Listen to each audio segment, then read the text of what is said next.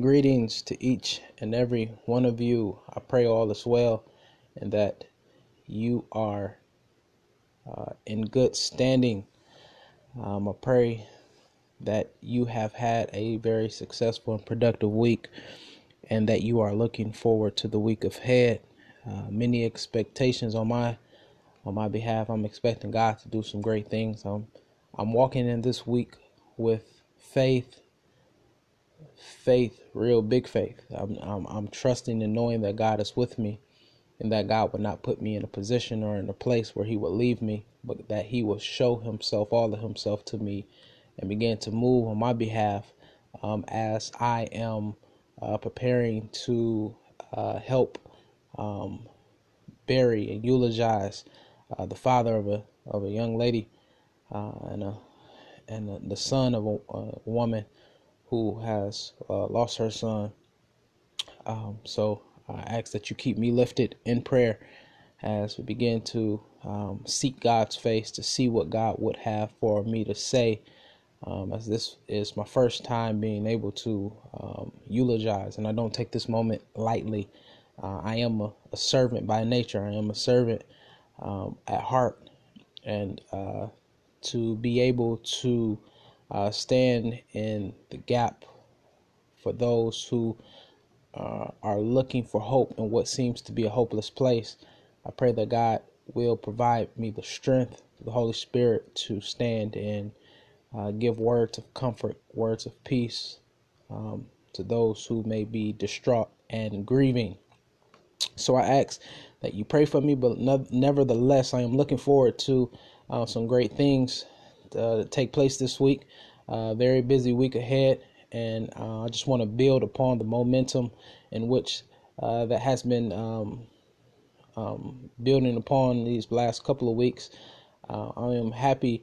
Um, I, have served as a youth pastor, and, and the ministry is growing, and the children's spirituality is forming and shaping um, in imaginable ways, and uh, children are so uh, interesting and fun and inquisitive, always roaming, always have some um, very interesting questions, but nevertheless, they are looking to learn and looking to soak up all the information. So uh, I'm looking forward to being with them.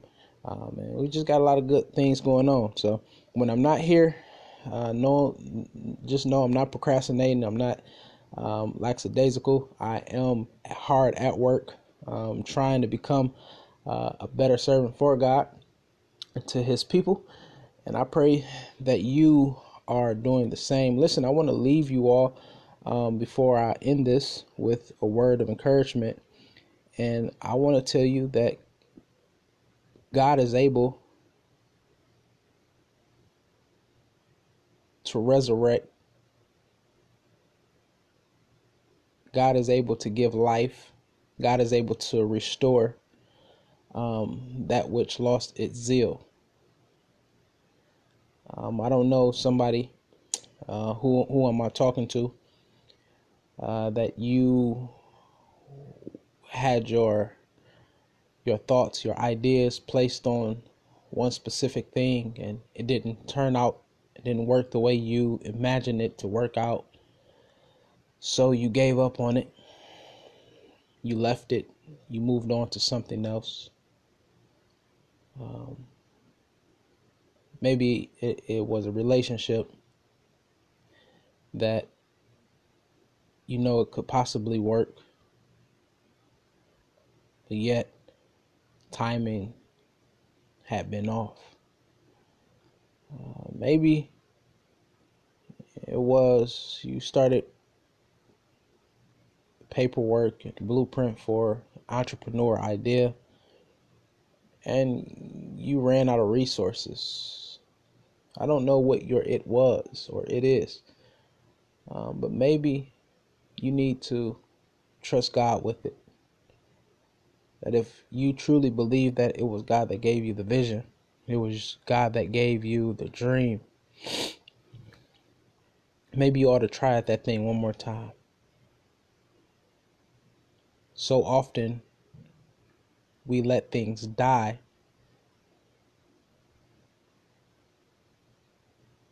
And maybe it was for good reasons.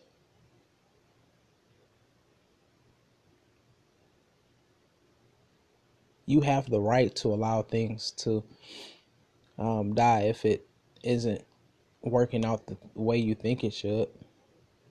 But maybe you may need to go back and try again. I'm reminded of a dear friend of Jesus whose name was Lazarus who fell sick. And uh, Lazarus had two sisters, Mary and Martha. They got a word to where Jesus was, saying that my brother is sick, that he is on the edge of death.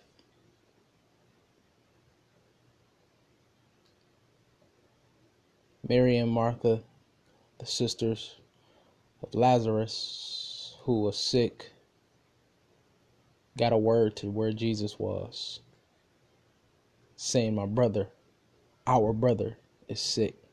Come see about him. Lazarus ended up dying. This was a dear, very dear friend of Jesus, and you can imagine how Mary and Martha must have felt when they found out that Jesus was willing to allow Lazarus to die. So Jesus is in the midst of his disciples, his fellow disciples, and he tells them, he says, Lazarus is is is, is getting ready to die, or he is sleeping the disciples around Jesus saying if he is sleeping, then he will wake up soon. But Jesus was referring to death. So he gets on the road and head towards Lazarus. And he does so because Lazarus' death would glorify God.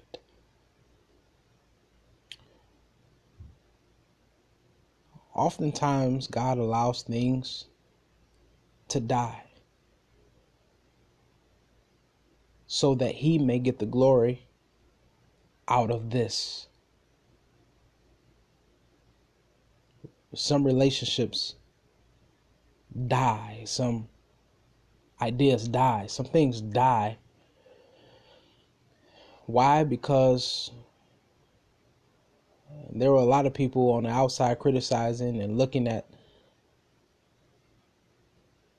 looking at the solution and looking at Jesus and saying that he wasn't worthy. He wasn't the son of God.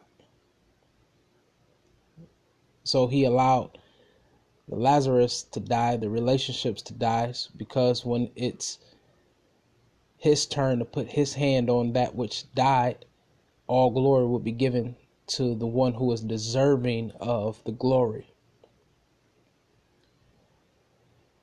That oftentimes, when God allows us to have things within our own possession, um, we get so caught up in what how we think things should be and how we think relationships should go, how we want our ideas to be, never consulting with the God in which who has given birth to the idea and the concepts uh, that we allow to manifest so they do not work. And because they do not work the way we want them to work and on the time frame we want them to work we get frustrated. We get angry we get uh, mad we get disgusted and we say we're leaving this alone and therefore that relationship dies. That idea die. You started writing a book but you get a quarter of the way through and you said ah you you started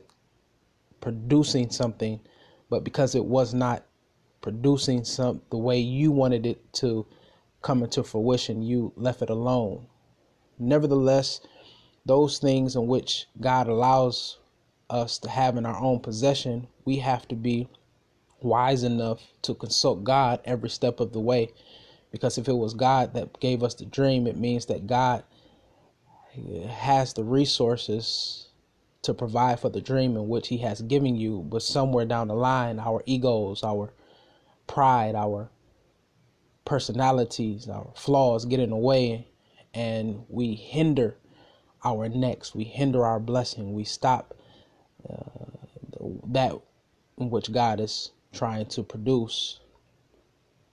But God is saying, put it in my hands. Try me. Consult me. You were doing things on your own, but you stopped seeking my face. I gave you the idea, the dream, but you stopped praying. You stopped seeking me. You stopped petitioning to me. You stopped talking to me. God said, try it again.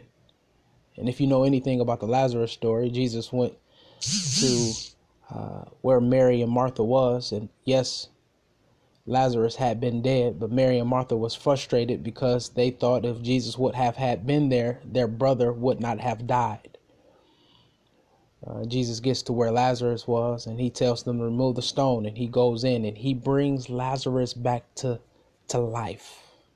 Lazarus had been dead for 4 days. At that time it had been stinking. It had been the body had decayed, but Jesus gets there and he resurrects, he restores, he brings back zeal to that which was lost. He brings it back up and now Lazarus is now better than ever. He pulls that which was dead and he brings life. He breathes life. He puts new back into what has gone. I'm talking to somebody who has allowed that dream to to diminish, who has allowed those uh, ideas, the who who who who let something go down the drain. I'm trying to tell you this time around, trust God. Put it in God's hand. Allow God to work on that in which only God can do because God is has all power. He's omnipotent. He's all powerful. He has all power within uh, his framework. He has all power within his hand and if God breathes on it, if God touches it, if God touches that ideal, if God breathes on that book, if God breathes on that business uh, blueprint, if God begins to speak to you, you better believe that God has placed things in position to make sure that thing comes into life. This time around, trust God, trust God, trust God. That's all I can say. Trust God. All right, yo, go, go in light, go in love, and look forward to God moving on your behalf this week. I am praying for you. Peace.